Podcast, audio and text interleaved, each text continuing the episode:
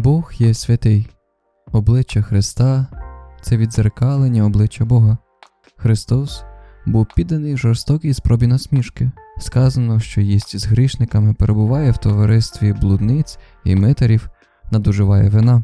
Насміхалися, коли сказав, що не померла дівчинка, але спить. Насміхалися, коли обіцяв дати своє тіло на їжу, а кров за напій.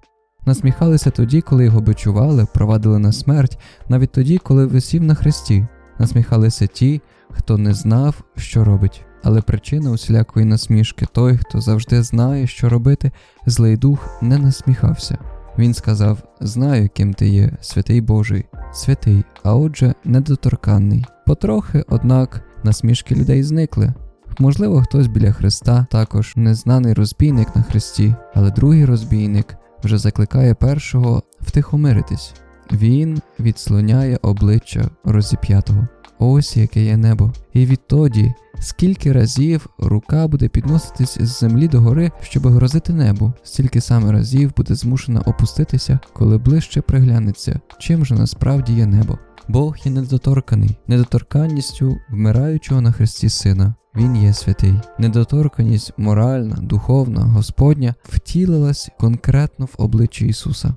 Хто мене бачить, бачить Отця.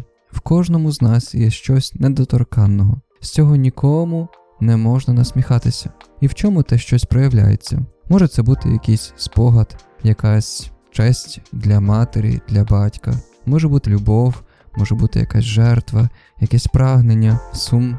Ці всі речі є проявами чогось святого в нас, тобто речей недоторканних, духовних.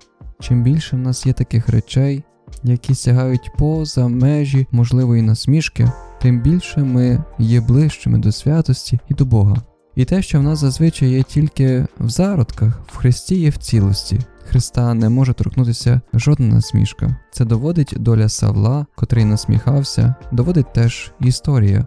І саме в такий повчальний і зрозумілий для нас спосіб Бог є святим, святими є Його слова, бо є словами правди, свята є Його доброта, бо вона не вичерпується, святою є Його любов, бо вона, власне, є Його ім'ям.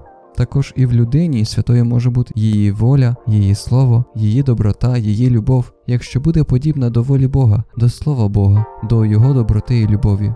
Але щоб це все могло стати в людині святим, людина мусить одягнутися в шати прославлення Божої святості. Прославляти Бога це побачити Бога і Його святість, прославляти надзвичайно важливо для нас, для людей. Прославлянням святості Бога ми не тільки віддаємо честь Богу, але також охороняємо у собі це відзеркалення Його святості, щось, що так важко зберегти у світі нашої буденності.